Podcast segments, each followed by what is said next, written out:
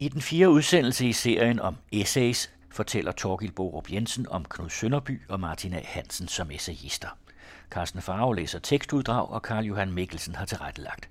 Først en bid af essayet Cyklen af Knud Sønderby.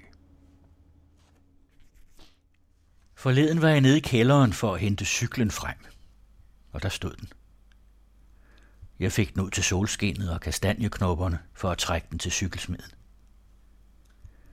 Flad i ringene var den, støvet og snavset, men den havde det samme velkendte udtryk som altid. Trofast og tålmodig som en hest. Villig til at gøre sit yderste. Alle mine cykler har haft det udtryk, og det fyldte mig pludselig med ømhed at tænke på den. De første cykelture. Min far besteg sin ganger bagfra af listige omveje over en hønsepind, efter først at have hinket den i gang på et stykke vej, der var udset som særlig velegnet. Han havde gamasjer på benene og en særlig kasket til cykelbrug. Min mor havde stor hat med slør ned om hagen, kædekasse med celluloid og kulørt cykelnet om baghjulet, hvor den lange kjole flagrede i blæsten. Det tog tid alt sammen, men langt om længe kom man der afsted. Og så kom man vel nok. Det var den første cykel. Helt ny. Og alle kunne se, hvor man kom kørende på den. Der var rød sodavand i fars cykelkurv. Ud i den hvide verden, der lå åben og solbeskinnet. Tusind oplevelser. Uforglemmelige cykelture på sommerdage uden ende. Jeg har senere regnet ud, at det sikkert blot har været i min fars middagspause, vi kørte. At der ikke var mere end tre kilometer til målet for vores udflugt, som dengang syntes milevidt borte. Men barndommen er Luther åndsfraværelse. Et liv uden for tid og sted, hvor alting udregnes ikke efter timer og vejlængder, men efter oplevelser. Jeg ville ikke kunne finde den vej igen. Jeg ville ikke kunne genkende den, hvis jeg fandt den, for jeg genkender ikke på den måde mere. Man kunne sige om øh, Sønderby, der har udgivet flere essaysamlinger, at han er, ikke mindst i det essay, vi lige fik en prøve på fra indledningen, at han er en rejseskribent. Det er rejseessays, han i høj grad skriver. Men så er der det særlige ved essayet og ved Knud Sønderby, netop som essayist, at det er rejser ikke blot i fysisk, altså udvendig forstand, fra det sted til det sted, men at det også er rejser i sindet. At det altså er både og. Cyklen foretager ture, vil jeg mærke, når der er en, der cykler på den, men det er samtidig ture i sindet. Det er erindringsoplevelser om, hvordan det var dengang man for eksempel var dreng og cyklede og oplevede på en måde, der var intens, uden for tid og sted, anderledes end man gør som voksen. Der er et engelsk essay-tidsskrift, som hed The Rambler.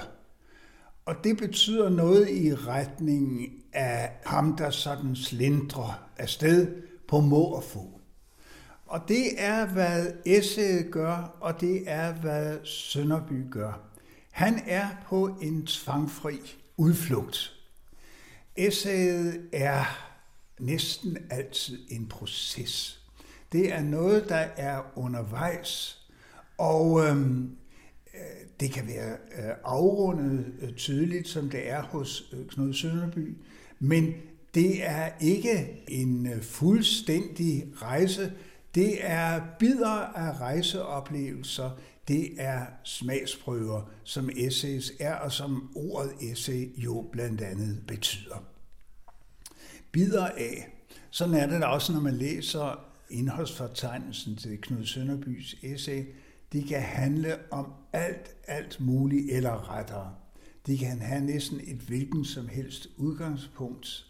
Men det fører altid dette udgangspunkt, der som regel er konkret, til nogle overvejelser, til nogle tanker, til nogle refleksioner. Det er typisk for essayet. Begyndende med en iagttagelse, en sansning, som her er cyklen, der stod hengemt, men som øh, Knud Sønderby kommer ned til og øh, oplever, og så vækker den konkrete genstand. Sansningen af den, den vækker altså en masse refleksioner. Et sted var der, hvor vi skulle hen. Hvor vi var der, hvor de andre stod af cyklerne og sagde, at nu er vi her. Et sted, som voksede med alle eventyrlige muligheder, så snart de ord var blevet sagt. Og turen til der, hvor vi var der, havde også helt andre kendingsmærker, end man nu ville bruge. Der var der med træet, som man havde set en dreng klatre i. Der var der med geden, og der med den gale mand. Der var der med pletten med noget mørkt sand, og der var der med muldvarpen. Man finder et sted med et hul ned i jorden. Et hul til en muldvarp. Og man ligger med næsen ved hullet og kigger ind i klodens indre. Pirker der ned med en pind. Prøver virkningen af at sende en spytklat og nogle dråber sodavand derned. Et minut formodentlig, mens ens forældre benytter lejligheden til at pusse næse eller stramme sløret. Men så intens i sin opleven for den, der lå ved hullet og gisnede om muldvarpe, at dette minut rev tidens sammenhæng i stykker, blev til øjeblik af evig åndsfraværelse, lod ny tid begynde og blev milepæl på en vejlængde. Sådan er det, børns dag bliver lang. Det er sådan med øh, Sønderbys rejseessays, at disse rejser de foregår i et forholdsvis maligt tempo. Det er også karakteristisk for essayet. Per Lange, som er en af de kendte danske essayister nogenlunde samtidig med Knud Sønderby, han har blandt andet et rejseessay, der hedder Samtale med et æsel. Og æslet bevæger sig jo ikke just i lynsosfart. og det kan stanse op og være stedig. Og det er noget af den samme rytme, man oplever hos Knud Sønderby. Og når det er sådan, så er det vel netop fordi rejsen foregår også i sindet, og sindet skal have tid og ro til de her refleksioner. Sådan er det i hvert fald. Jeg synes, man kan øh, sammenligne Knud Sønderbys essay, som han i øvrigt selv kalder sådan en sammenfattende betegnelse for livsfornemmelsesforløb. Og det er et meget godt udtryk for netop, hvad der foregår hos ham og i hans SS livsfornemmelsesforløb. Det er altså konkret udgangspunkt, men det kan være hele livet, som rulles op i en erindring. At det nærmer sig i øh, formen, det nærmer sig erindringen altså øh, det vi øh, kender fra selvbiografier. Og øh, man kan sige, at essayet ligner selvbiografien derved, at det er et jeg, der både taler og oplever, og dette jeg er identisk med forfatteren. Men så er der den forskel på erindringen som en genre, og så essayet, at øh, selvbiografien, den strækker sig som regel over et helt livsforløb, hvor Knud Sønderbys blot er, som jeg før sagde, smagsprøver. Det er små bidder, der så vækker erindringer om noget andet og, og mere. Men altså ikke det lange, fordringsfulde forløb. Den glæde, man følte over den første cykel, man fik, den man red på, da man med far og mor kørte forbi hullet med muldvarpen, og som man helst ville have stående ved sin seng om natten, den glæde var i virkeligheden ikke for stor. Det var jo rigtigt, det man allerede dengang anede, at den gjorde verden større. Den løste det stavnsbånd, der var bundet af små midler. Man blev fri takket være den. Den var som en sjette sans, der muliggjorde en bedre udnyttelse af de andre sanser. Senere blev den upusset hverdag og tunge ture i modvind. Men bedømmer man den i erindringen, stråler den stadig med den samme forniklede vidunderlighed. Man har kørt langs Vesterhavets hårde strand på den, mens blæsten kom ind fra havbulleret og solen brændte. Man har kørt over Vendsyssels lågulv af et landskab, hvor vindmotorerne snorrede på hver gård, og hvor storken med vingerne spændte som sejl gled ud mod vildmosen. Man har hørt nattergalen i Sjællands skove, når man cyklede af smalle stier i det duftende mørke. Ens egen cykel har hvilet mod andre cykler, mens man sad på bænken og lod natten blive stille omkring en. Jeg tænkte på det, da jeg var nede i kælderen for at tage den frem, og jeg følte stor ømhed for den. Megen sommerblæst har pebet gennem egerne på den, og megen regn har skyllet den. En mand kunne lade sin cykel begrave ved sine fødder. Den har båret ham landet rundt og kørt oplevelser sammen til ham. Den har været med til at bygge hans liv op. Af den slutning, cyklen har været med til at bygge ens liv op, der aner man jo også sammenhængen med selvbiografien, men altså essayet som små bidder smagsprøver. Det er jo sådan, at øh, Knud Sønderby her vender tilbage til øh, det, som øh, dannede indledning til det essay om, om cyklen, at han konfronteres med den igen dernede i kælderen, og så afføder det en række tanker.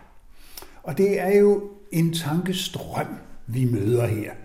Det er også noget karakteristisk for essayet denne, man kunne kalde det associative strøm af tanker og refleksioner, der melder sig ud fra det konkrete grundlag.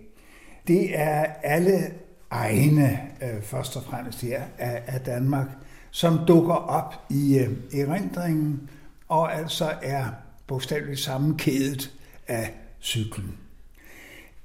Det er også så karakteristisk for det, som, som her blev læst, at øh, Knud Sønderby fastholder læserens interesse og måske følelse af medleven i øh, det, som skildres, ved hjælp af et overraskende sprog.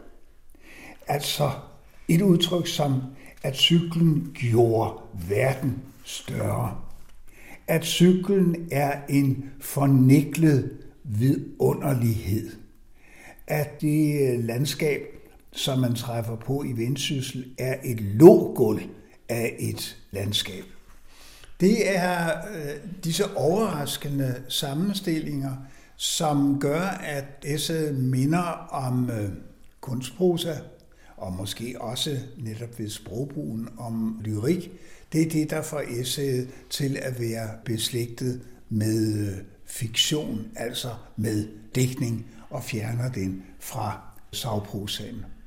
Savprosaen genkender vi så igen ved, at det, som handling er bygget op over, er genkendelige størrelser, som vi alle sammen ja, kender til. Cyklen, det vendsysselske landskab osv. Velkendte størrelser. Der er en engelsk øh, essayist, der taler om With change of place We change our ideas. Altså, når man øh, skifter lokalitet, så er der også andre tanker, forestillinger, der melder sig for en. Og det er jo sådan noget, som også Sønderbys essay her rummer er bygget op over. Med cyklen kommer man forskellige steder hen, sådan lokalt, men det fører altså også til vidt forskellige tanker og overvejelser. I den forstand er han altså også en omstrejfer, det der lå i det engelske essay-tidsskrifts navn The Rambler. Den tænksomme læser har næppe svært ved at indse, at vort emne angår luftige kendskærninger, der ligesom spejlinger over havet kan være forførende for tanken.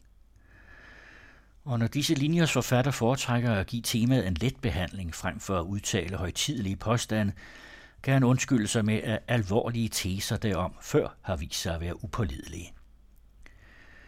Måske sådan en teori til en vis grad er skyld i, at danske ofte er ivrige for at fremvise særligt idylliske billeder af vort lands natur, og til lige gerne vil give den fremmede det indtryk, at vi er født som sjældent fredsæle og mundre folk, livlige af ånd. Svarer denne selvopfattelse ikke ganske til virkeligheden, hvor litteratur bekræfter den ikke, til denne er gennemgående alvorlig og omfatter meget få betydelige humorister, sådan måske som flere europæiske nationers poetiske mening om sig selv til en vis grad en frugt af smukke forestillinger, som populær romantisk spekulation i sin tid satte i verden. Martin A. Hansen, han er jo en stor digter, blandt andet på den måde, at han genremæssigt fagner utrolig bredt.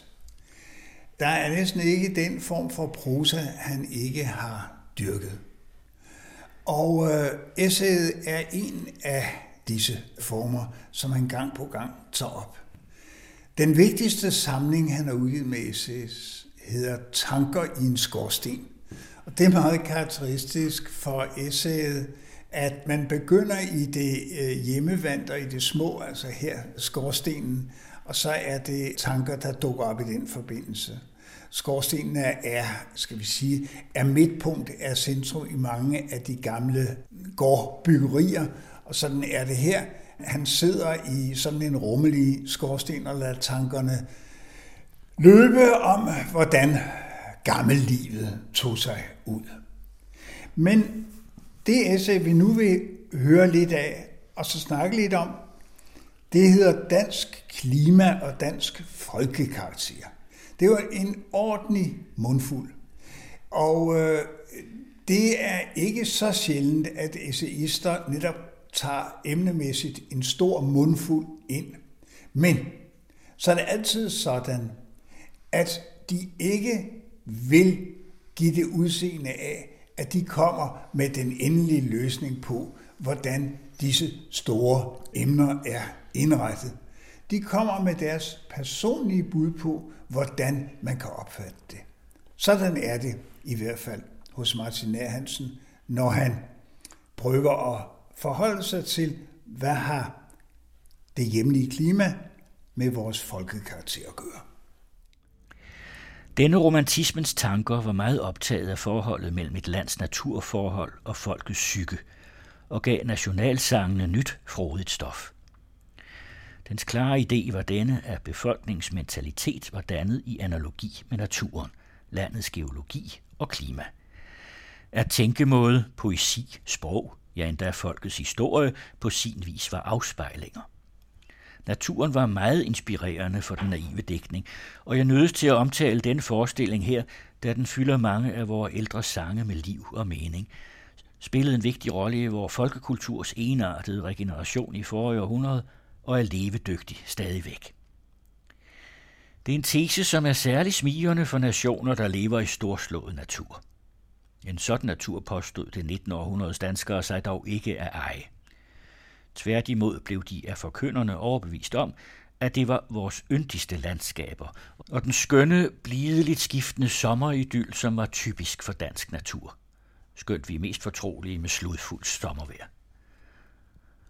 Og i det de fleste danske resignerede over al besiddelse af mere patetiske egenskaber, tillagde man folkets medfølte dyder som jævnhed og munterhed, ynde i talen, blidhed i sindet, flid og fordragelighed, alt sammen fortrin, som stemte vel til den besungne blidt afvekslende idyl i naturen, som jo skulle være disse egenskabers moder.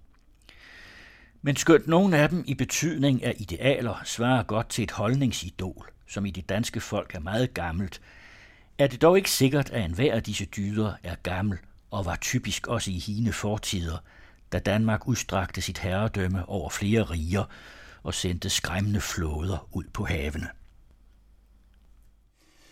Ja, det her er en ordentlig mundfuld, men typisk for essayet er netop bestræbelsen på at gøre behandlingen af det emne, at gøre den lidt.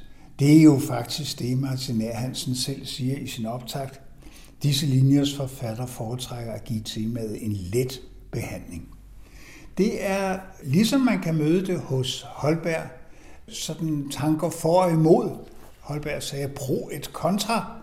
Ikke for at nå et endegyldigt resultat, men for at bringe sine overvejelser frem, også til læserens selvtænkning. For det er en del af essayet en appel til læserens selvsænkning. Uden den medlevende læser eller lytter, så kommer essayet ingen vegne. En anden ting, som jeg vil fremhæve som typisk for essayet i øh, Martina Martin Hansens måde at fremstille sine overvejelser på her, det er, at han altså ikke er på nogen måde absolut, men at han forsøger sig frem. Ordet essay betyder jo også blandt andet forsøg. Måske sådan en teori til en vis grad er skyld i, at danske ofte er ivrige for at fremvise særligt idylliske billeder af vores lands natur. Måske. Og dette måske, de dukker altså op i flere af sætningerne i øhm, øh, det stykke, der blev læst her. Det er netop signalet på, eller signalet for den overvejelse, som ikke er nogen endegyldig samhed, men er værd at tænke over som en af flere muligheder. Martin Hansen siger, at vores selvopfattelse er måske, som flere europæiske nationers politiske mening om sig selv, til en vis grad en frugt af smukke forestillinger. Ja, det er jo meget høj grad romantikkens forestillingsverden, som Martin A. Hansen tager op her. Og øh, han øh, er sikker nok i sin øh, historiske orientering, nævner, at netop for romantikken galt det, at man havde en forkærlighed for det øh, idylliske, de smukke landskaber, og opfattede det, at den danske folkekarakter var præget af disse smukke landskaber, den blideligt skiftende sommeridyl, tales der for eksempel om her. Øh, og øhm, så gør Martin A. Hansen, jeg tror lige, vi skal citere ham igen for slutningen af det, der blev læst, skønt nogle af dem af øh, egenskaberne, øh, folkekarakteregenskaberne, er dem i betydning af idealet så er ganske godt til et holdningsideal, som i det danske folk er meget gammel, er det dog ikke sikkert, at hver af disse dyder er gammel, og var typisk også i hende fortid, da Danmark udstrakte sit herredømme over flere riger. Altså, igen diskussionen hos øh, Martin A. Hansen. Ingenting kan siges med sikkerhed, men man må tage sine forbehold. Og øh, her gælder forbeholdet, hvis vi sådan skal prøve at generalisere lidt, det gælder vel først og fremmest, er der sådan en tydelig, indlysende sammenhæng mellem vores klima, vores geografi og vores folkekarakter – og det stiller Martin A. Hansen sig i høj grad tøvende og spørgende overfor. Og denne tøvende og spørgende holdning, jamen, den er jo også typisk for essayet, som vil undersøge, vil prøve tingene af, men som altså, som før sagt, ikke har nogen endegyldig løsning på tingene. Er det da rigtigt, at jorden havet og kræfterne under den ustadige himmel med overvældende magt former folkets mentalitet. Det er vel rigtigt, hvor tanker og vilkår er til det yderste primitive. Men de tre nordiske folk, nordmænd, svenskere og danskere, har nu i årtusinder levet under forskellige artede naturforhold, og dog er stammeslægtskabet ikke blot stadig tydeligt, men lighederne i mentalitet og smag er så store, at en geografisk fjernere boende jagttager ofte har meget svært ved at øjne de folkelige nuancer, som virkelig skiller de nordiske nationer. Det Martin A. Hansen her gør i en senere passage fra det samme essay om dansk klima og dansk folkekarakter, det er altså, at han øh, igen tager sagen op til diskussion til, man kunne sige, en øh, tøvende overvejelse, en tvivl om, hvordan det egentlig forholder sig med den sammenhæng mellem klimaet, geografien, altså alle de fysiske forhold i landet, og så folkekarakteren. Øh, og der bruger han jo altså de nordiske lande som øh, eksempel. Altså, de har, siger han, levet under vidt forskellige naturforhold, men på trods af det, så ligner de for en jagtsager, så ligner de hinanden indtil forveksling. Der er så store ligheder på trods af forskellige naturforhold. Og det er jo, ja, det er jo netop en skepsis over for det at drage, øh, man kan sige, de nemme slutninger at øh, fastslå en massiv sammenhæng mellem de ydre forhold og så folkekarakteren. Og det er det, som Martin A. Hansen altså ikke gør.